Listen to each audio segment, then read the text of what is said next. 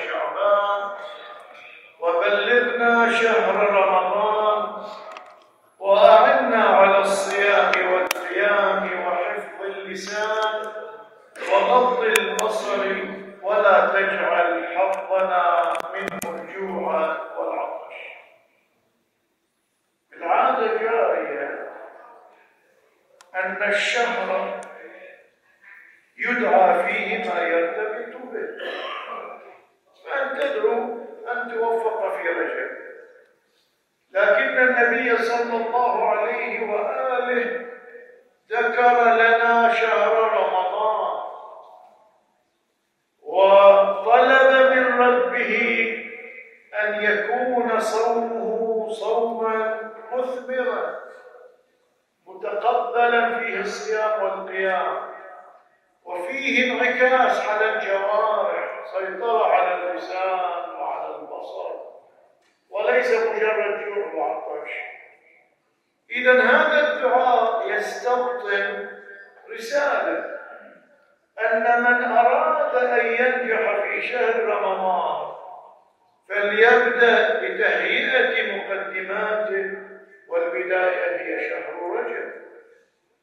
وإذا كان العلماء حينما يتكلمون عن تزكية النفس يتكلمون أولا بالتخلية ثم بالتحلية. إذا كان هذا وعاء ملئ ترابا هل يوضع فيه مثلا ماء نظيفا؟ لا يمكن. فقبل أن يملأ وعاء الإنسان وهو قلبه بالنفحات القدسية نحتاج أن ننظف الوعاء.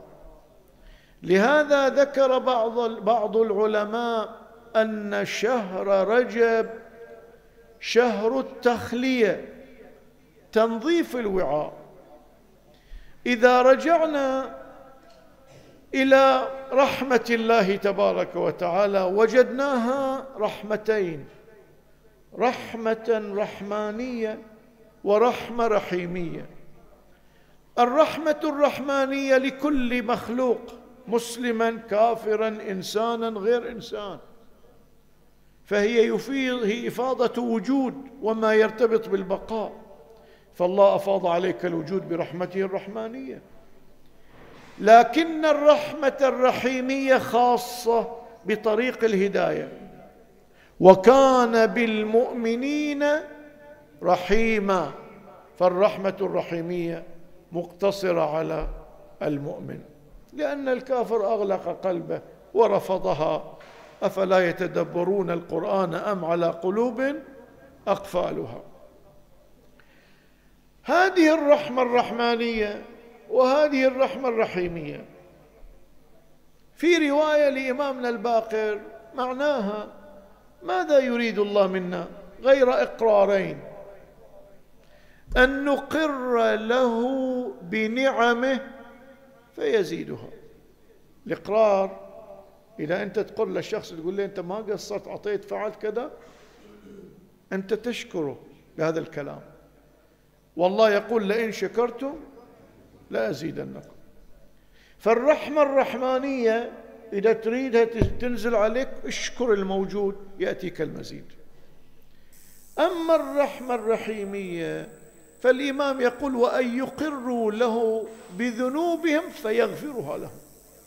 إذا نحن نريد الآن تتنزل علينا الرحمة في هذا الشهر. وهذا الشهر سمي بالأصب. لأن الرحمة تصب فيه صبا يعني التعبير دقيق. أنت الآن لو تبي تكتنف واحد بشيء يفرحه اطلقوا سراحة. مثلا جاي من سفر بعد غيبة ناس تجيب مبالغ تفلت عليه ناس حلاوة تفلت عليه. هذا الرمي يصيب بعض مواضع من جسمه. لكن لو جبت ماي ورد صببته عليه. يكتنفه هذا العطر في كل مكان. يستوعبه كاملا. فالتعبير مو تعبير عابر. سمي الشهر به. يعني من ضمن ألقاب. هذا الشهر بالأصب.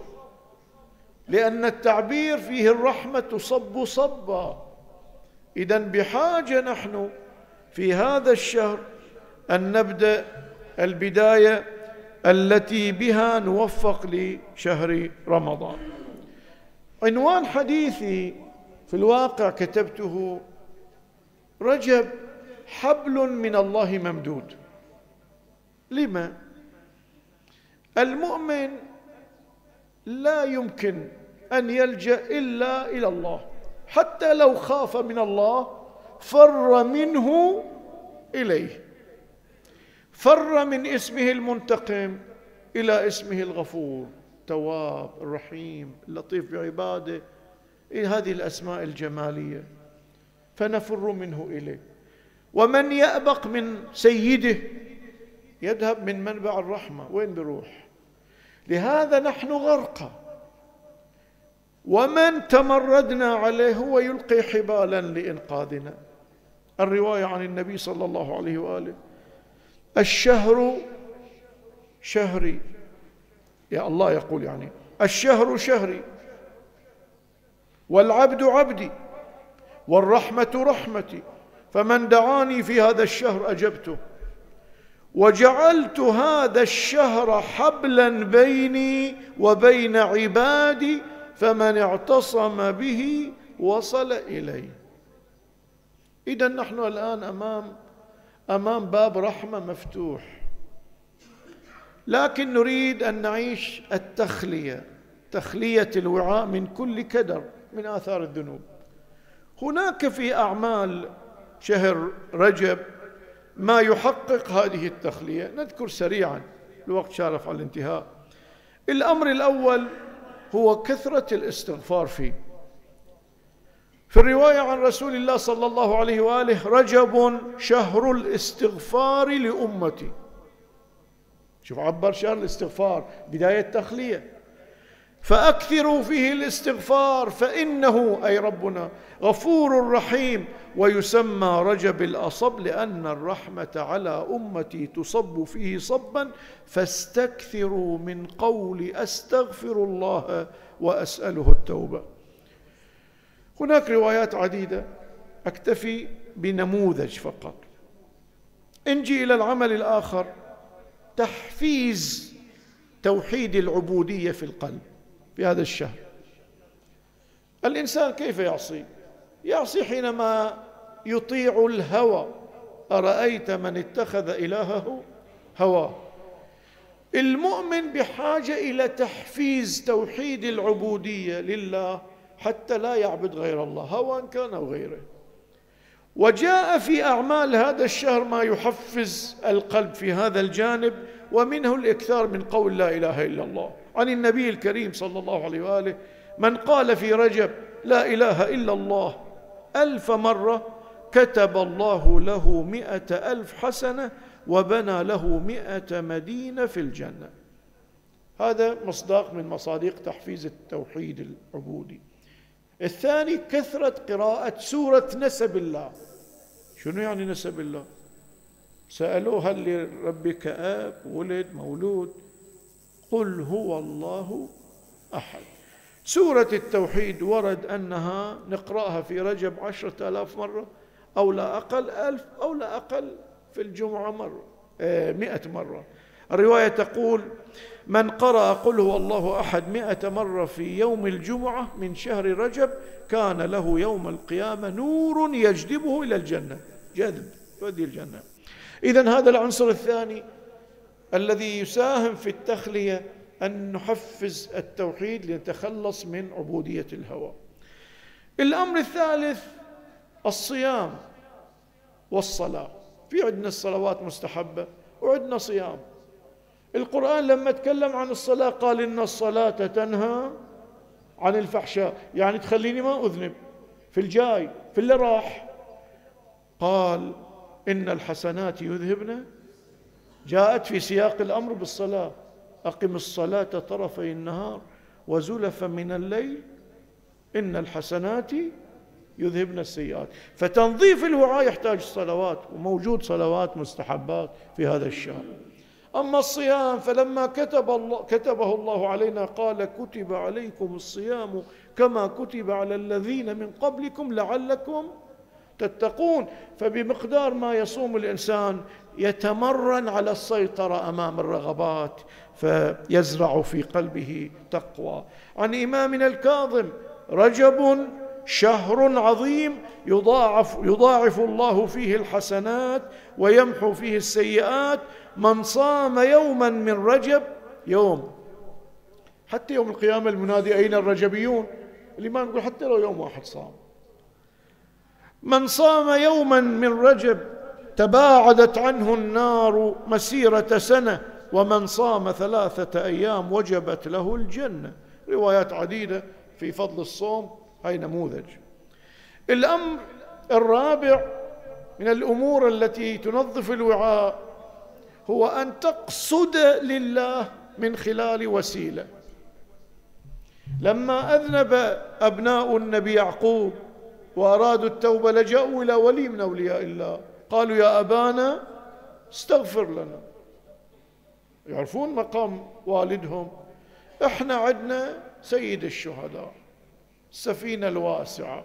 لهذا الرواية عن مولانا الصادق من زار الحسين بن علي عليهما السلام أول يوم من رجب غفر الله له البتة. أول يوم بداية شهر التخلية يزور الحسين غفر له. الله تبارك وتعالى من أسمائه الحسنى الشكور. فشكر الحسين على ما قدم الحسين وجازاه فجعل جعله وسيلة نجاة. ومن ضمن ثمرات زيارته غفران الذنوب. الأمر الخامس الذي يساهم في, التج... في التخلية هو أن نستنزل الرحمة بالرحمة. نرحم الفقراء نتصدق. عن أمير المؤمنين عليه السلام من تصدق بصدقة في رجب ابتغاء وجه الله أكرمه الله يوم القيامة في الجنة. من الثواب ما لا عين رأت ولا أذن سمعت ولا خطر على قلب بشر. شهر الصدقة. والصدقة تطفئ غضب الرب. يعني تنظف الوعاء.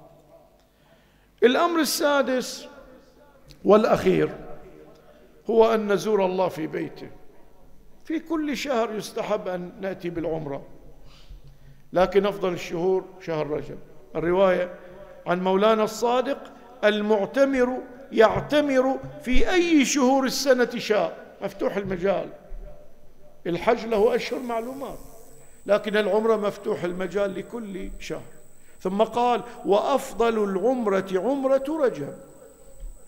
فإذا من يذهب إلى بيت الله وافدا على الله ضيفا الله أكرم الأكرمين. أنت تنزل على واحد مزعلنا. إذا هو عنده صفات المروءة ما دام أنت ضيفه يعفو عنك. فكيف بأكرم الأكرمين؟ رب العالمين. فمن يقصده في بيته يكون له كفارة كفارة لذنبه. إذا هذه أمور وردت وغيرها. وردت تساهم في عملية تنظيف الوعاء حتى يوفق الإنسان بعد ذلك للتحلية لملئه بالنفحات الربانية. القدسية. أستغفر الله لي ولكم والحمد لله رب العالمين. وصل اللهم على